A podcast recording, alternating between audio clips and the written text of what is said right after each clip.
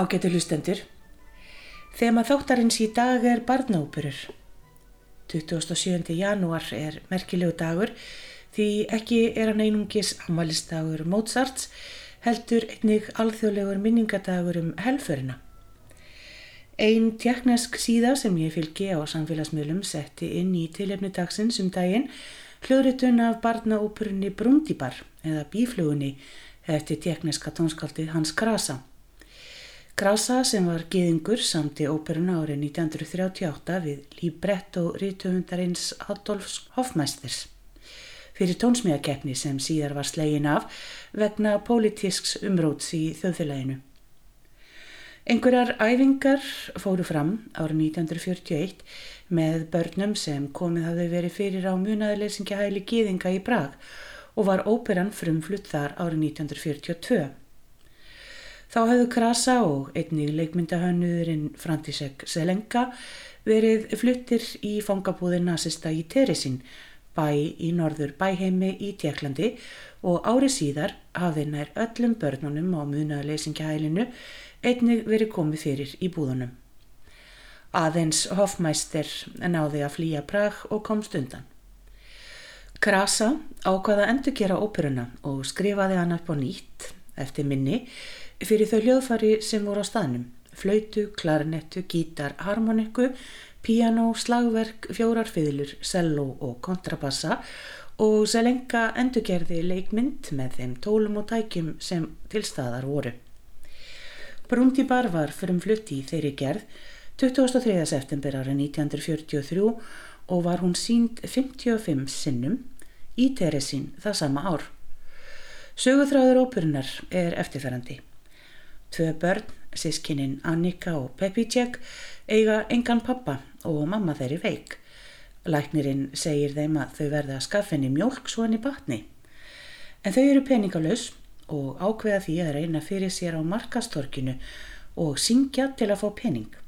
Þar lenda þau í klónum á hinnum grimma lýrukassaleikara brúntýpar sem rekur þau í burtu en þess má geta að allir vissu að þessi lýrukassaleikari var tákmynd fyrir Hitler. En með góðri hjálp hugraks þrastar, hunds, kattar og þorpsbarnana tekst þeim að reka brúndíbar úr þorpunu og syngja á torkinu. Sérstök hátíðasýning var haldinn fyrir sendin en Drauðakrossins árið 1944 sem kom til að skoða aðstæður í búðunum en einhverja sögur um ítla meðferð á gýðingum höfðu borist til höfðustöðva þeirra.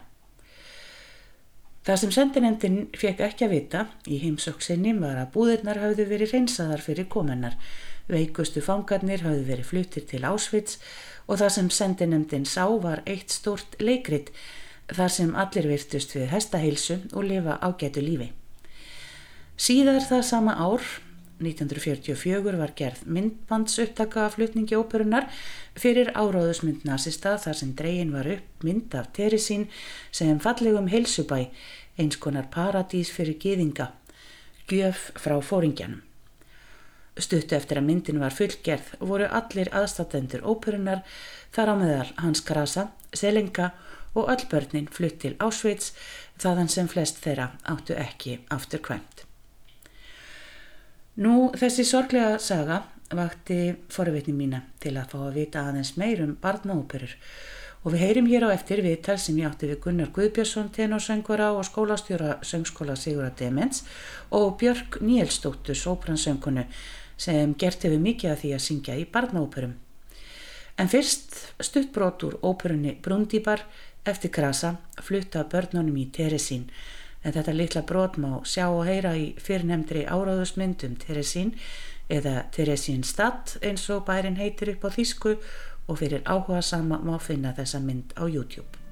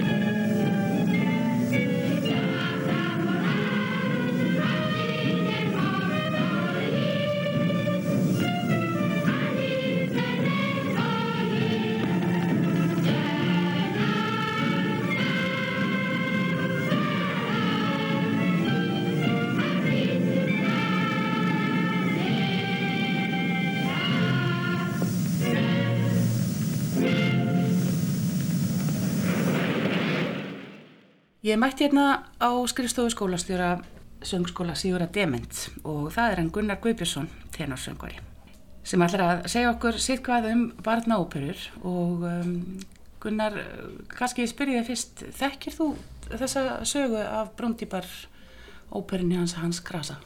Ég þekki svona afinni aðeins, ég þekki svo sem söguna kannski ekki allveg voðalega vel en, en ég veit að þetta tengist hérna, stríðinu og, og, og, og nazismannum og svona eins og náttúrulega óperur stundum eru að það er svona það er einhver leinskilaboð í, í hérna sögurþræðinum og, og, og allt þetta. Þannig að, þannig að já, ég þekki það þannig veit að, veit að því. Átakanlega saga, svo ekki sem er að sagt. En um, barnaópera hvernig er hún skilgreind? Er þetta ópera sungin af börnum eða, eða hvernig er Hvað, hvað er þetta barnaópera fyrir bari? Já, barnaópera getur verið sungin af börnum, getur líka verið sungin bara tómum fullónu söngurum. Uh, barnaóperur er í rauninni náttúrulega bara ætlaðar börnum, fyrst og fremst. Þannig að, að það geta verið börn, börn sem þáttakundur. Ég var nú eftir að hafa séð hérna óperu í Íslenska óperunni. Uh, Nóa flóðið held ég hún hafi verið kvöldu eftir Benjamin Britten. Það var alltaf mikið börnum þar stór hópar, stór hópur kór og, og einsöngurar þannig að, jújú, jú, það, eru, það er vissulega en svo geta líka verið börn í óperum og það er ekki barnaóper þannig að það skrú sem að, sem að það sem er drengur sem syngur og, og, og stúlka, yfirleitt svona unglingstúlka og það eru sannlega ekki barnaóper þetta frekar svona, frekar grúsileg og bara frekar draugaleg ópera. Þannig að, þannig að það er svona allur gangur á þessu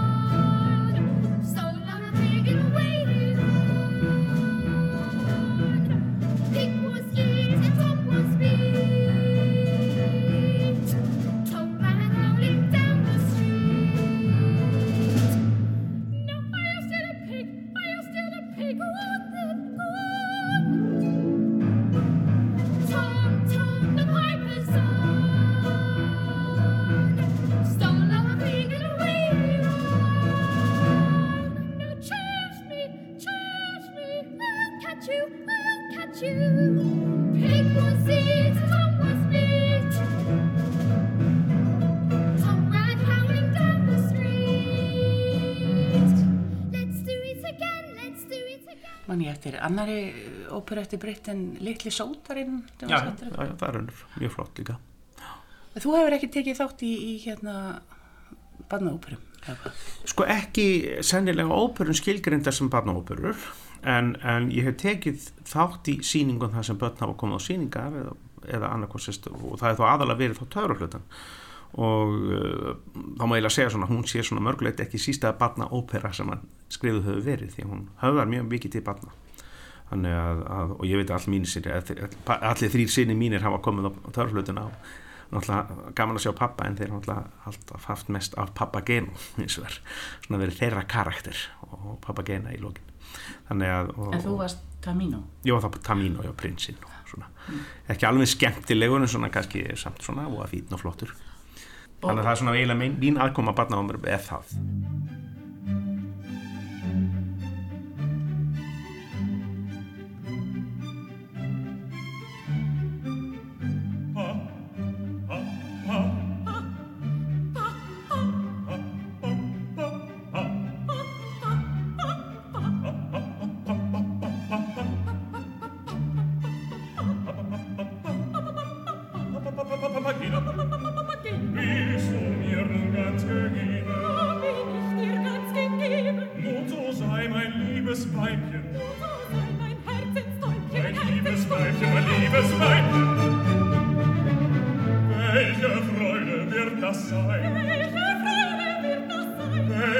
Götter uns gedenken, Götter uns gedenken, unser liebe Kinder schenken,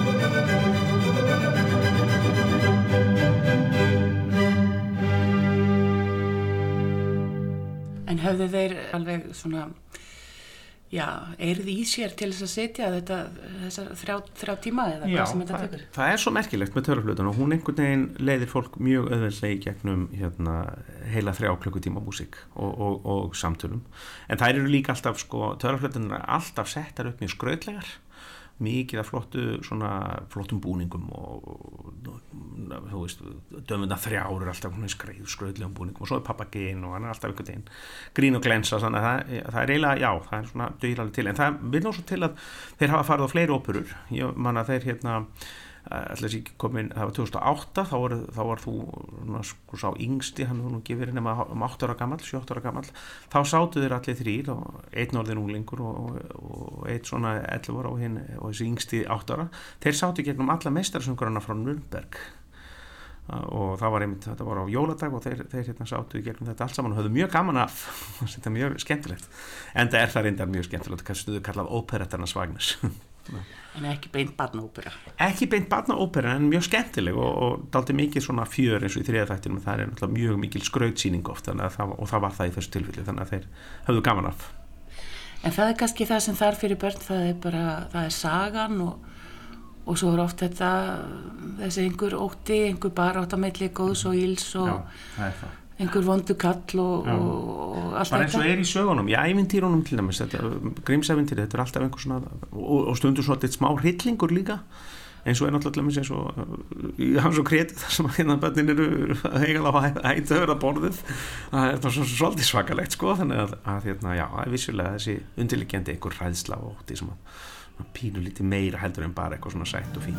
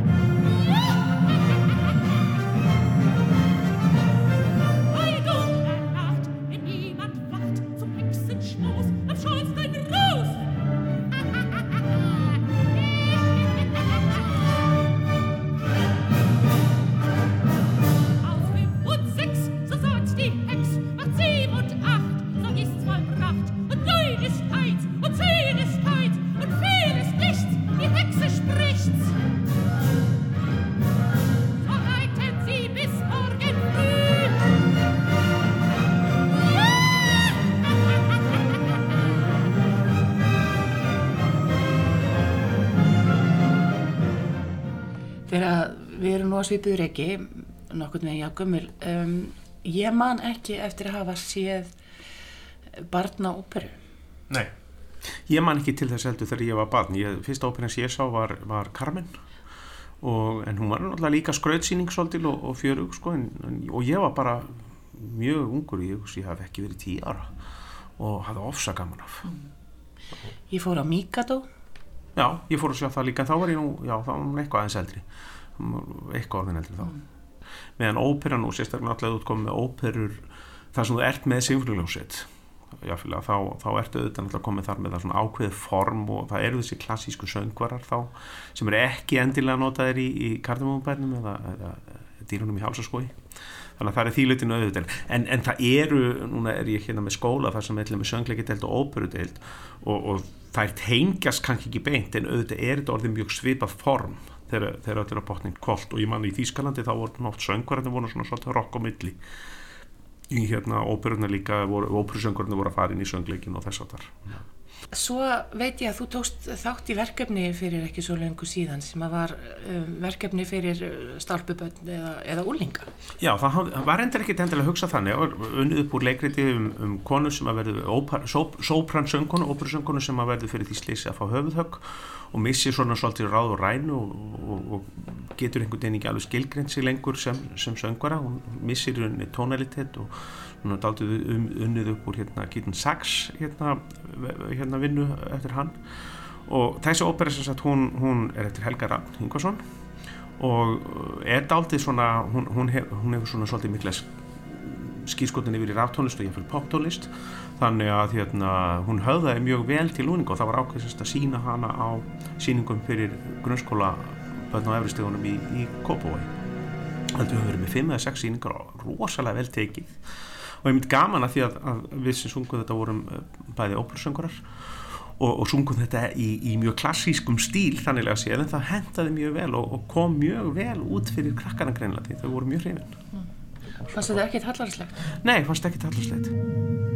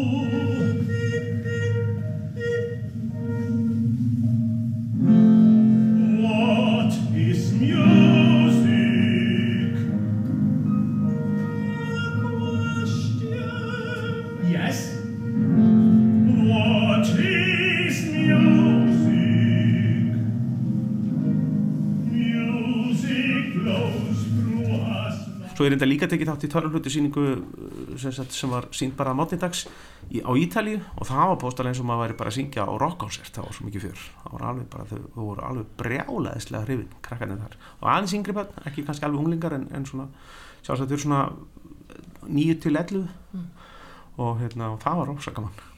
Að það er rosalega gaman að syngja fyrir bönn þau eru svo opinn og, og það er svo bara svo útrúlega mikil þáttaka í því sem er að gerast á sviðinu. Eh, Þau eru ekki, ekki, setja ekki upp gaggrínenda svipin um leið að þau lappa inn í salin. sjálfsagt gera einhver vera það en, en maður finnur það samt alltaf í lokin að það er að, að sko maður er búin að ná þeim og við fundum það mjög bersinlega þannig í kópavænum þegar vorum í salnum með þessa síningu að, að við náðum alveg miklu meirum, meira, fleiri krökkum heldur en þeir sem við náðum ekki því það var alveg stormur af, af fagnalátum þegar við vorum búin Hvað heldur þetta að gera fyrir þróskabarna? Sko þetta opnar auðvitað bara fyrir nýjar vítir og, og það er einhvern veginn þannig að, að þegar þú setur leikhús í samhengi við tónlist þá opnar í rauninni fyrir alveg nýjar í rauninni tilfinningar hjá fólki. Af því að tónlist, hún, hún tengist svo mikið okkar tilfinningarlífi og, og það að tengja í rauninni leikhús sem er alltaf líka tengist tilfinningarlífi við þessa tónlist, að hún, það verður bara einhvern veginn miklu, miklu sterkari upplifun. Þannig að ég held að það að, að, að velhefnuð barnaópera er sett upp ég held að það sé bara eitthvað sem að sko opnar fyrir þeim alveg þennan leikhús sem er miklu, miklu sterkar heldur en ella er gert. Nú verðist vera einhver gróska í þessu. Uh, ég fór að skoða uh, hvað væri til af óperum og ég sé að César Guy hefur verið svolítið duglegur og samt að minnstakosti 5 og Benjamin Britten setna aðeins á Giancarlo uh, Menotti Menotti. allavega mann það var nú sett upp hér um, A- Amal og Já, nætugestinir. Amal og Nei, næturgestirnir. já, já. Það, það var sett upp hér. Það var sett upp hér, ég held að það sé svo langt síðan ef ég maður rétt, já. einmitt. Og finnst eins og hafi líka gert sjómars upptaka því, og, og, svo, já, og svo var það svo er það náttúrulega Humperdinck Já, svo er það náttúrulega Hans og Greta sem er nú, ég var sett upp hér fyrir einhverju tveimur, þreimur án síðan. Og það eru þetta sko eins og törraflötan svona jólaópera hálgirði í Þýskalandi þannig að þetta var einhvern veginn bara alltaf í gangi fyrir jólin í sömu leikusum þar og það er svolítið svolítið það, það er sama með törraflötuna í, í Berlín til dæmis þar sem ég var. Þar söngi bara Tamino í bara alla desembera sem að ég hérna var í samstarfi við þá óperu í stadsóper og bara alltaf eins og bara árlega viðbörur og alltaf fullt af börnum þar. Þannig að, þannig að það er mjög stert og svo setja þeir náttúrulega upp einstakka barnaóperu líka en það er, það er minna um það. En þetta er svona meira þeirra, ve, þeirra veiðverkfæri til þess að ná krökkum inn í óperuna. Og, og, og hjá mörgum svona leikúsa aðdáðandum í Þýskalandi þá er þetta bara svona hluti að því að eignast börn þarf að fara með þá törflutunum sennilega bara nokkrum sinnum með þau lítil. Því það er bara einhvern veginn að svo mikið til þeirra og opna svo mikið þennan heim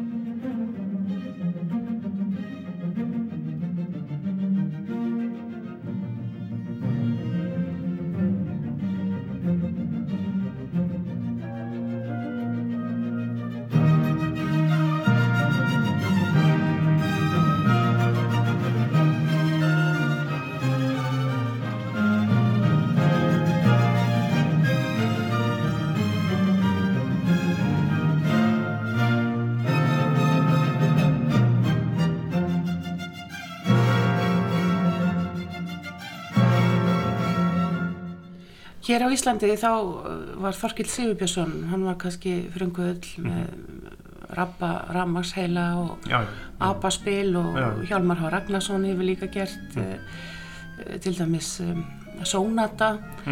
Og, uh, og fleiri með síðan að Tómasdóttir hefur gert við tónlist ímissa um, Þú ert með svona einhverja, einhverja hugmyndir um Já, að- ég hef látið mig dreyma um nefnilega sko að, að þetta er því meira hluti af, af starfsemi íslensku óperuna. Þetta verður þetta svona komið og, og farið svolítið þar. Sumir, hafa- sumir óperustjórar hafa verið duglegur við þetta. Já, Garðar var mjög, Garðar Kortis var mjög duglegur á sínum tíma að setja upp óperur og setja upp um Britann óperunar og, og fleira. Og ég hefði svona viljað sjá þar meira, meira í rauninni aktivitet hvað var það þessar óperur. En, en það er auðvitað aldrei dýrt að hver uppfærsla er kostnaðarsum. Ég hefði gert að vilja sjá meira þetta samhengi við sem sagt annarkvort þá að það séu fastarannu söngur eða fastarannu kór sem eru þá söngur sem eru um, góðir einsöngur á það, góðir að það er hægt að setja upp litlar síningar og eða þá að, að tengja þetta við óperustúdíu að sem sagt að það eins og var nú rekið á eh, tímabili og óperustúdíu íslenska óperunar sett saman. Og þar hefði ég viljað í rauninni sjá hóparna sem að eru þar að vinna, voru þar að vinna, ég hefði gert að vilja sjá þá vinna í svona óperum fyrir börn. Af því ég held líka bara að ungt fólk það, einhvern veginn bara næri miklu frekar til ungra áhörunda heldur en kannski svona kall eins og ég, skulum við segja. Eh, en, en svona, þetta er svona mín hugmynd og, og svona hefur svona pínlítið það sem ég sé sem eina sín kannski já ég veit ekki, má, nú má maður ekki vann með þetta börn en er þetta auðveldar að syngja fyrir börn heldur en já svona sjóaða óperu aðdáendur? Ég er ekki viss um það. Sko, börn eru reyndar þannig að, að sko að, að þú getur eiginlega ekki bara einhvern veginn deliverað þegar maður getur slett svo. Uh, þú, þú þarf eiginlega rosalega mikið að leggja alla sál þína í það að ná barni á þitt band. Það er alveg saman hvort þú ert með leikús eða tónlist eða eitthvað fyrir band það þarf að vera alveg gegn heilt það sem þú gerir. Þannig ég held að sé alls ekki auðveldara. Ég held að sé í rauninni að mörguleiti mjög trikki en, en, en hins vegar er það sem að kannski er það góða við að performera fyrir börn það, það sem ég eru þótt er það hversu rosalega fljótu eru að koma inn þau eru hrifin. Þannig að, að þú finnur mjög strax fyrir sterkur sambandi þarna út í sal sem er ekki endilega alltaf þegar þú ert með fullorðið fólk þannig að ég held að það sé kannski það sem að kannski hjálpar manni.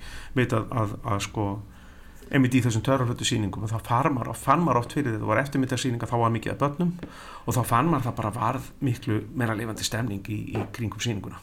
Og það var alveg mikill munur þar á. Alveg absolutt mikill munur þar á kannski svona léttara andrumslátt léttara andrúslátt en þú þurftir virkilega að passa þig að, að sko vera ekki á neinu aldrei á neinu svona automatísk sko. þetta, þú þurftir að passa vel upp á að samtölum væri lifandi og, og allt þetta. Og þá fann maður líka að það var fljótt velunar með, með viðbröðunum út í sel. En eins og með skólan hér nú setið þið nú oft upp síningar á, á ykkar vegum Hafið einhver, einhver tíman hugsað að setja upp svona barnáperu? Það hefur alveg komið til tals og í rauninni höfum við svona kannski verið með ofta einhverja síningar sem gætu hugsanlega svona verið nýtt er á það vegu. Það, við höfum verið með törraflutuna og vorum hér með einhver fleiri sluti sem hafa kannski komið áður en ég, eða þegar ég var ekki hér að starfa en, en það er svona, og ég hugsa allir með það mikið af óperutum gætu hugsanlega líka nýst fyrir börn. Það er svona, það er svona einhvern veginn svona léttleiki, ákveðin léttleiki og líka tónlistin er oft svona einhvern veginn létt og leikandi þannig að það getur, getur henda fyrir börn. En, en uh, það, er alveg, það er alveg hugmynd og ég hef svona líka fengið tilugur það sem ég hef svona verið að velta fyrir mér. Það sem að kannski er það erfiðasta við skóla umhverfið er það að, að að við verðum svolítið að reyna að setja síningarnar í samhengi við þá nefndur sem við höfum hverju sinni.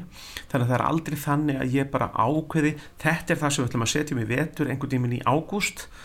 Ég þarf eiginlega ákveða það einhvern tíman í desember þegar ég sé í rauninni hvar nefndur eru og þá get ég svona farið að fletta í gegnum hausinn sko hvað óperubókmyndina geta bóðið mann upp á. Þannig að það er svona, eins og ég segi, það, það er ekki eitthvað sem að ég ákveð út frá því hvað ég vil setja upp heldur þetta miklu frekar þannig ég set upp það sem að hendar fyrir hópin sem ég hef í höndunum.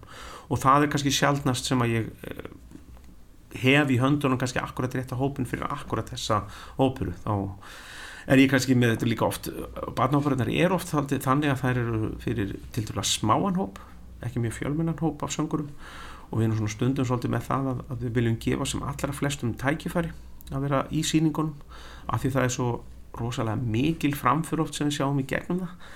Þannig að hérna, maður reynir yfirleitt að svona, reynir yfirleitt að velja síningar eða, eða óperur þá í síningar sem eru taldið að þjónusta það, þann tilgang frekar heldur en kannski endilega að, að reyna að koma svona einhverju á framfæri. Svona listrænt séð ef maður getur orðað þannig. Mm. það er svona, býður ekki alveg upp á það Nú er það svolítið mikið vakt fyrir börn að það sé þá sungið á móðumólu þeirra að þau skilji hvað sé um að vera. Mm. Um, ofti talað um að ítalskan sé fullkominn fyrir söng. Mm -hmm. Hvernig er íslenskan? Íslenskan er góð fyrir söng. Það eru reynir sérhljóðar Um, samhljóðanir eru þetta kannski svona svolítið fráblastunir geta kannski svona valdið fólki einhverjum erfileikum en, en samt ekki einhvern veginn. Nefnum ég finnst gott að syngja á íslensku ég held ekki að allir séum alveg sammála um það og svo náttúrulega eru líka oft í, í þessum allavega þessum barnaóperum þá eru mikið að díalóg oft samtölum, talsamtölum.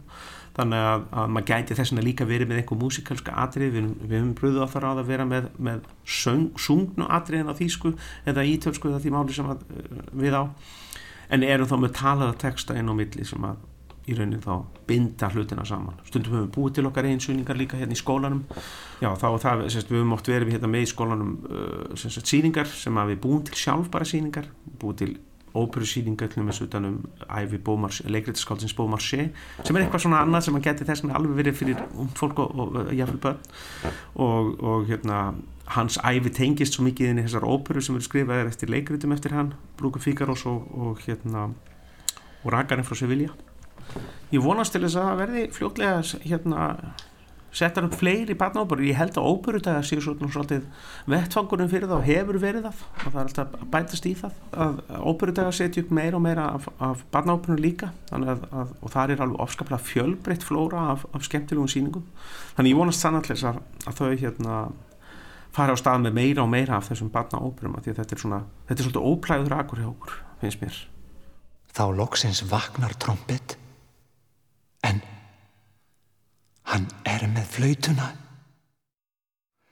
Þetta er þá töfraflauta. Hann vekur drekan með töfraflautunu sinni. Og hann vekur lífsfuglinn sem færir honum tuskubrúðuna. Og það er alltaf hægt að tala um barnaóperur án þess að ræða við einhvern sem að já, hefur tekið þátt í og sungið í barnaóperum og til minni komin hún Björg Níelsdóttir að sönguna. Verður velkomin Björg. Takk fyrir. Þú býrð svona alla jafna í Hollandi. Já, já, í Amsterdam, svona ja. oftast, en ég er mjög mikið á Íslandi líka. En uh, þú ert hérna núna út af uh, COVID ástandi. Já, og líka bara því að, að mér bauðst að syngja í Föglabjörginu með, með uh, þeim fríða hóp sem stendur á þeirri síningu þannig að ég bara, ég hoppaði á tækifæri að koma heim og fá að gera eitthvað. Já, einmitt. Þegar maður búin að vera atvinnlega í svolítið langa tíma þannig að það var bara dásalegt að, að koma heim og, og vera í þessu fallega verki. Og við erum akkurat svo heppin að núna í janúar þá var bara frumsýnd ný barnaópera sem heitir Fuglabjargir og hún er eftir Byrni Jón Sigursson sem er tillaður höfundur og leikstjóri er Hallveig Kristín Eiríksdóttir og um tónlistina sjá þar Ingi Björg Ír Skarpjensdóttir og Ragnhildur Erla Björnsdóttir. Og þetta var sagt bara frumsýnd núna í janúar Já, með, með áhörundum. já, og, já, þannig að það er mega fólk má koma og sitta og vera með grímur og, og svo með krakkanir vera, þeim með vera án grím, grímna náttúrulega Já, og hérna. Þannig að það er bara geggja að fá fólk í salin, það er dásalegt. og um hvað er þessi ópera? Óperan er svona um ár á eiginni skrúði sem er fyrir austan og, og svona við bara fylgjumst með árstíðaskiptunum og hvernig fuglarnir haga sér og, og, og hvað gerist.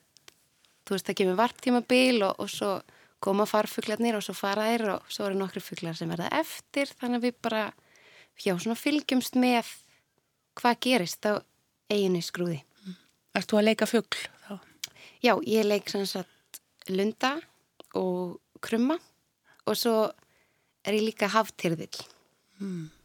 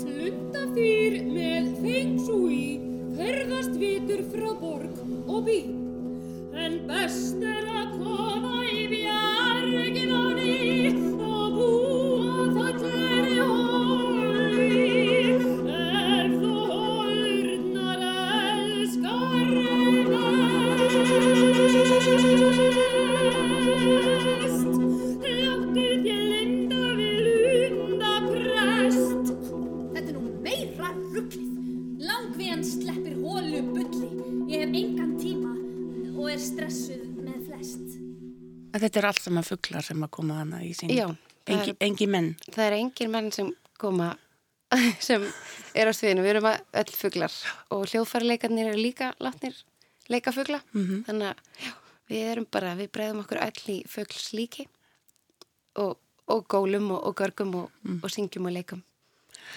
Og hvernig fór þessi og hafa síningarna farið í unga fólkið? bara rosalega vel. Það er ógislega gaman. Þau hlæja og gráta með okkur og fela sér stundum á baku stól og, og bara já, ég held að það finnst geðið. Það finnst öllum gaman sko, bæði börnum og fullonum. Ég held að þetta sé fyrir sko svona börn á öllum aldri.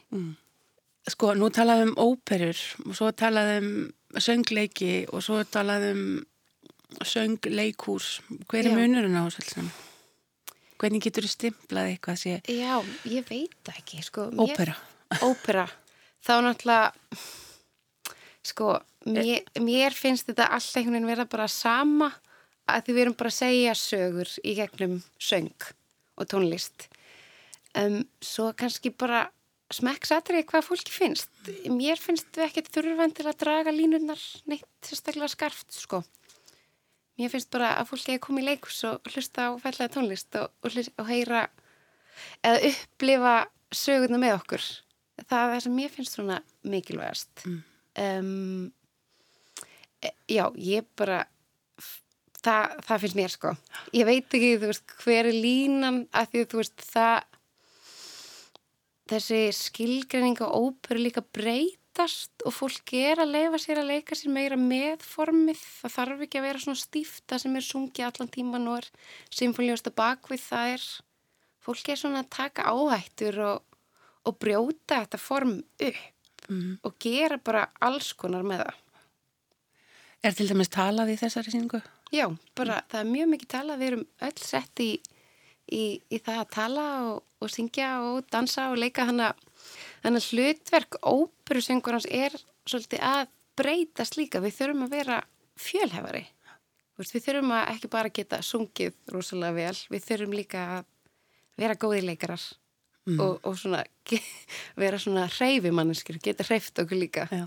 Það er svona af sem áður var. Fólk Einmitt. stóð bara eins og stýttur og söng sín aríu og, og tók svo við fagnaðalátum og labbaði í burti. Akkurat, veist, það var sagt alltaf ekki gera svona park and bark, það má ekki lengur. Park and bark. Já.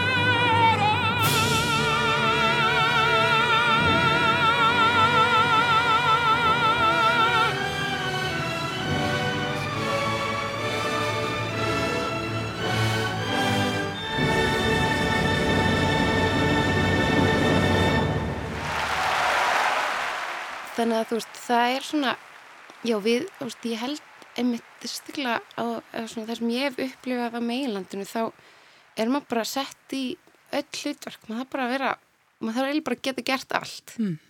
Þannig að það er bara fake it till you make it, sko. Það er bara, maður stundum að læra eitthvað flóknar kóreografjur og eitthvað svona, eða fara með texta á alls konar tungumálum, þannig að maður þarf bara, einmitt.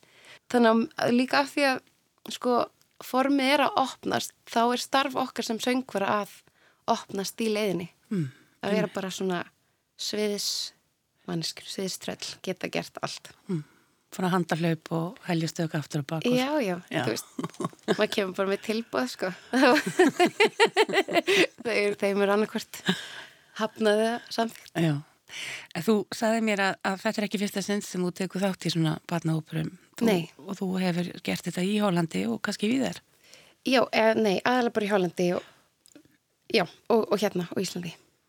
Og þetta er form sem að um, bara er, er viðukent. Þetta eru barnaóperur og, og finnst þér, finnst þér gaman að gera þetta fyrir börn? Já, mér finnst það æðislegt. Það er eitthvað svona, það er eitthvað svona ótrúlega léttleiki og frelsi sem fælst í því að syngja fyrir krakka og þau, alltaf mín upplifun svo að þau elska þetta.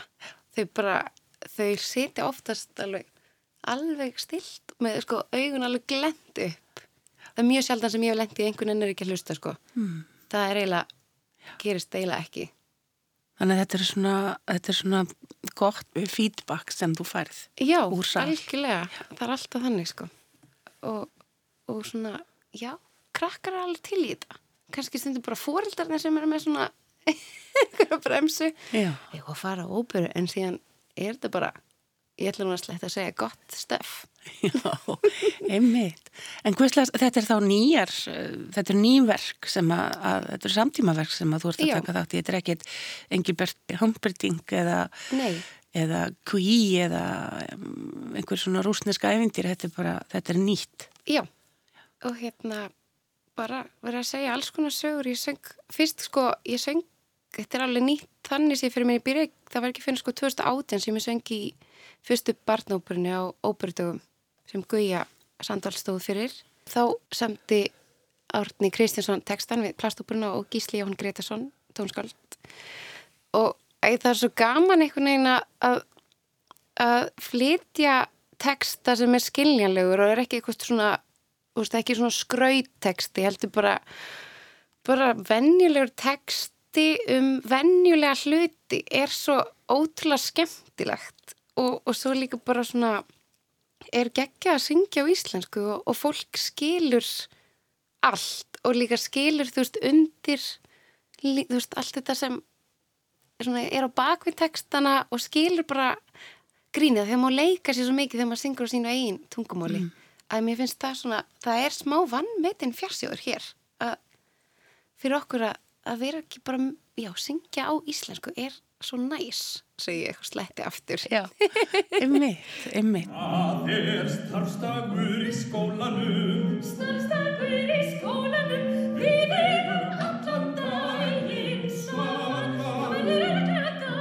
En var þetta með bóðskap plastópera, var þetta eitthvað svona umhverfisópera? Já, bara svona um plast og svo um samband uh, föður og dóttur líka rosa mikið svona. Já. Þannig að þau eru að fræða hvort annað um plast og, og svona spá í um hvað það er og svona líka, þetta var líka svona, svona, svona hliðar að koma óvart svona foreldrar í símanum og, og eða svona foreldrar í tölfunni og er ekki að hugsa um bönnin sín. Já. Það kom líka svona, það gerðist óvart að það varð líka svona undirtátt. Já, þannig að þetta var bara svona superrealismi. Já, bara, ég meit, og svo setur þetta í óperform, þá verður það kannski svolítið stærra, allt verður svo rosalega stórt sem maður segir, þannig að það verður allt ógislega fyndið, að mér finnst það, þegar maður er eitthvað, halló, góðan daginn, þú veist, að því maður, að því að þú veist, um leið og, og maður syngur, er maður að taka ákverðin, að því maður bara, þú veist, það er, hvað segir maður, þú veist, það er ekkert grín að syngja, því um leið og byrjar að syngja ert að segja eitthvað, þú ert að gefa eitthvað í skinn og maður er alltaf að koma einhvern svona tilfinningum af stað. Mhm. þannig að það var bara, fyrir mig var ótrúlega gaman að syngja á íslensku í fyrst skipti og einhvern veginn að upplefa þetta að svona, já, sjá sér degið tungumál En svo í Hollandi, ertu þá að syngja á þessar óperur á hollensku? Já. Já. Og þetta er náttúrulega eitthvað sem að, sem að já, náttúrulega er nöðsynlegt fyrir börn að þau verða að skilja hvað, að, hvað fer fram. Já, já, það allavega með þeim leikusum sem ég verið að syngja með þá hefur við verið að syngja á hollensku en líka bara sko í síðustu síningu sem ég var í þá voru við sko, það voru tíu látbrásleikarar og síðan tveir söngvarar. Og við sungum sko í þessar síningu sungum við á bullmáli allan tíman Mm. og það fannst mér mjög erfitt af því ég þurfti bara að búi til mínar eigin þýðingar á öllu sem ég var að segja af því við áttum líka að vera lábrásleikarar þannig að þetta var svona þetta var bæði masterclass í því að vinna með lábrásleikarum og svona tala, þú veist, tala í gegnum líkamann og síðan nota hljóð uh, já með eitthvað svona bull, bara bullmáli Já. sem við ákvaðum hvað væri, sem var eitthvað svona latínubull Þannig að þetta hefur verið mjög framústefnulegt í raun og veru. Já, þessi ópera var mjög framústefnileg sko því hún var bæði um það að heimurinn væri að farast og aðeins útvaldir mættu koma í geimflögina sem væri að fara til næstu plánutu sem var búanlega því að menninni væri búin að eigðilegja plánutuna. Þannig að það var já, smá svona hún var samt ekki svona hef í alvörni veist, en þetta var svona spurningin hvað gerum við, hverjir meg að koma um borð í skip?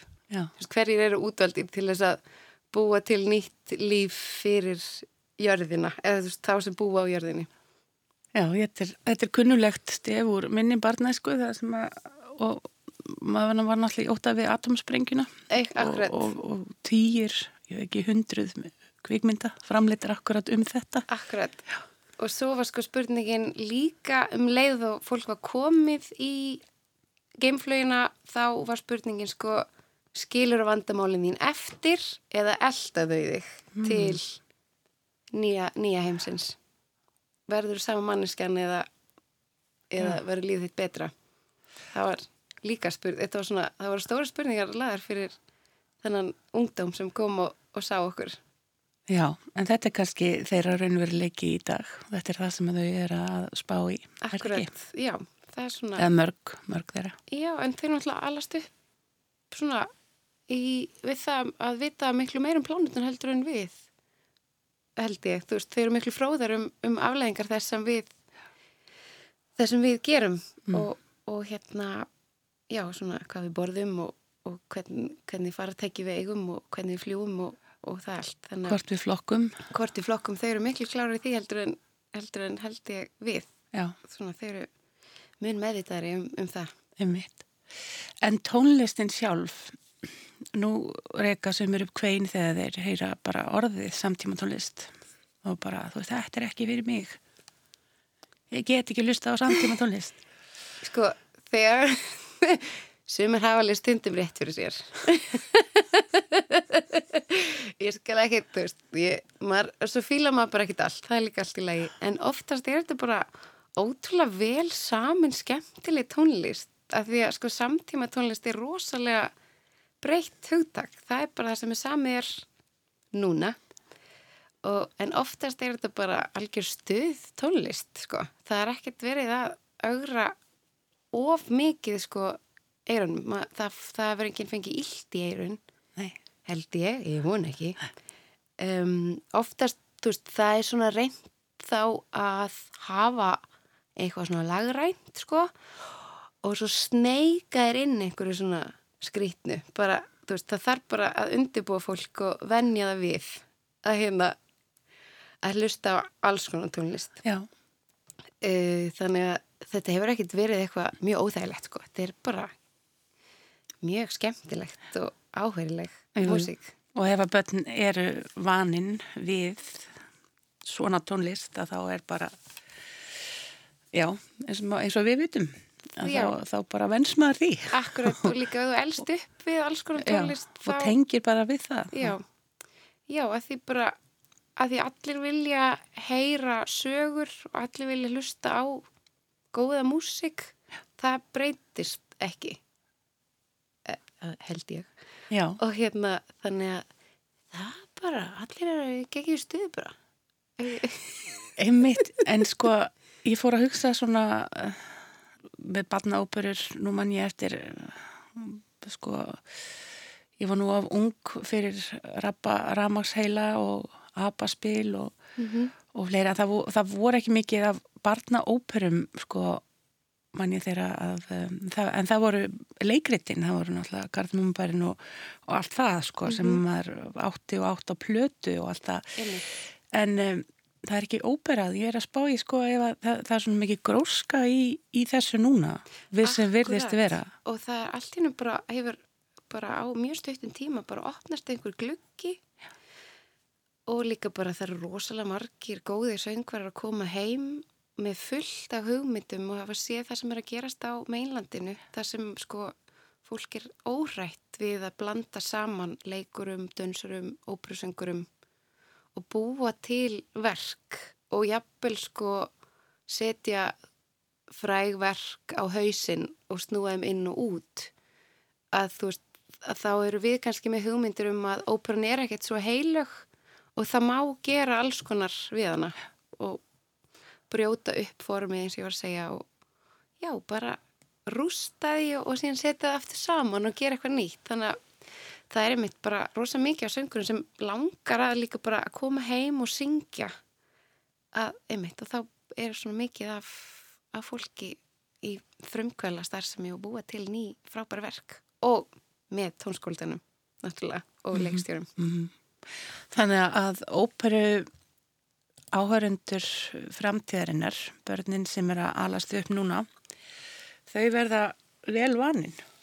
Ég ætla að vona það. Það er mikill að ég, sé það svona fyrir mér sko að, að það, þetta verði stærri partur af, af menningarlífuna. Þetta er ennþá hérna svona óplæður akur að hafa, þú veist, eina, tvær barnóperur á ári. Það er svo geggjað, það er minn draumur sko, að því að það er svo skemmtilegt. Það er ekkert að vera, þú veist, þrýr tímar, bara klukktími já. og já, að því þú veist, fólk kemur og finnst gaman Það á að vera gaman í það óperunni. áver gaman, það, veist, það getur verið stuð á alls konar tölugum með alls konar fólki og alls konar listamennum Hver veit að þau verði svo vel vanin að þau bara renni sér beint í fimm tíma vagnir óperu eftir það. Það væri náttúrulega best. Veist, það væri geggjað. Svo að kemur bara og eigðum heilum skólistegi með þeim, flytjum vagnir. Nei, djók. en við getum verið með svona átrúnað, þú veist, við færum bara á hverju ári í skólana og, og værum með óperur fyrir krakkana. Væri náttúrulega geggjað. Mm. Til að venjast forminu.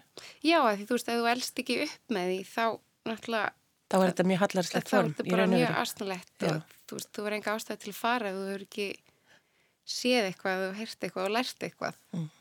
þannig að ég bara, ég bara set mína orku í þetta í loftið og segi, getum við ekki gert þetta einhvern veginn Nákvæmlega.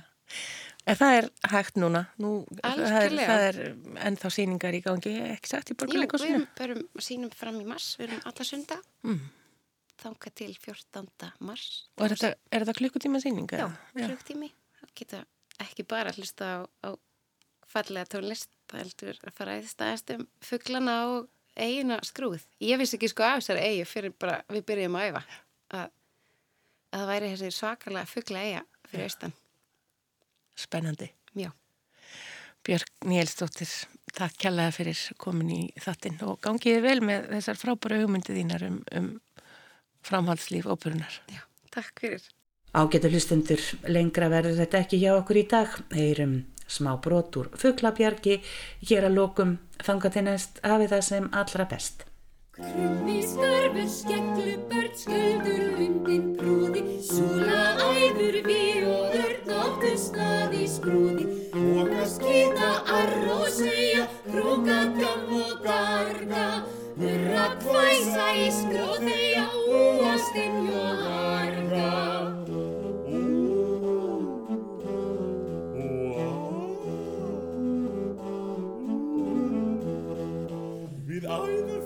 Fuglandir elskum vorir allt kompaníu og slúfur skorið að spjalla í spa og óátt á haf komið á trún og eftir þorið. Við súlur höfum gula hættu, ég sting mér í sjóin með lámark skvettu, við erfitt lindamál sem nýstir inn í sál, ég bý í þjættbílum bjargarklettum. Ó, sjáu súluna, hún er svo glæsileg, dýfinga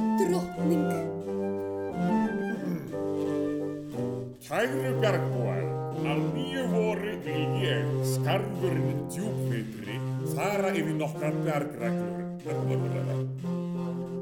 Rítur, þið verðið að vera hljóðláttar í ár. Þetta getur ekki gengið svona mikið lengur. Og svo þetta eilífa kast á súlunni. Helst vildi ég banna lundanum að bæta við fleiri nýjum volum. Hver og einn ný vola er sem fyrnir í auga mér. Og svo þetta endalösa slúður í æðarfuglinum. Reglur verður að hafa hér svo skarfur geti hugsað sér að búa í bjargi og glimjandi gargi.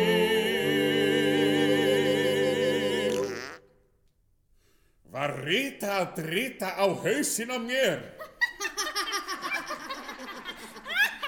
Þessu tuði, sérðu ekki að það er vor?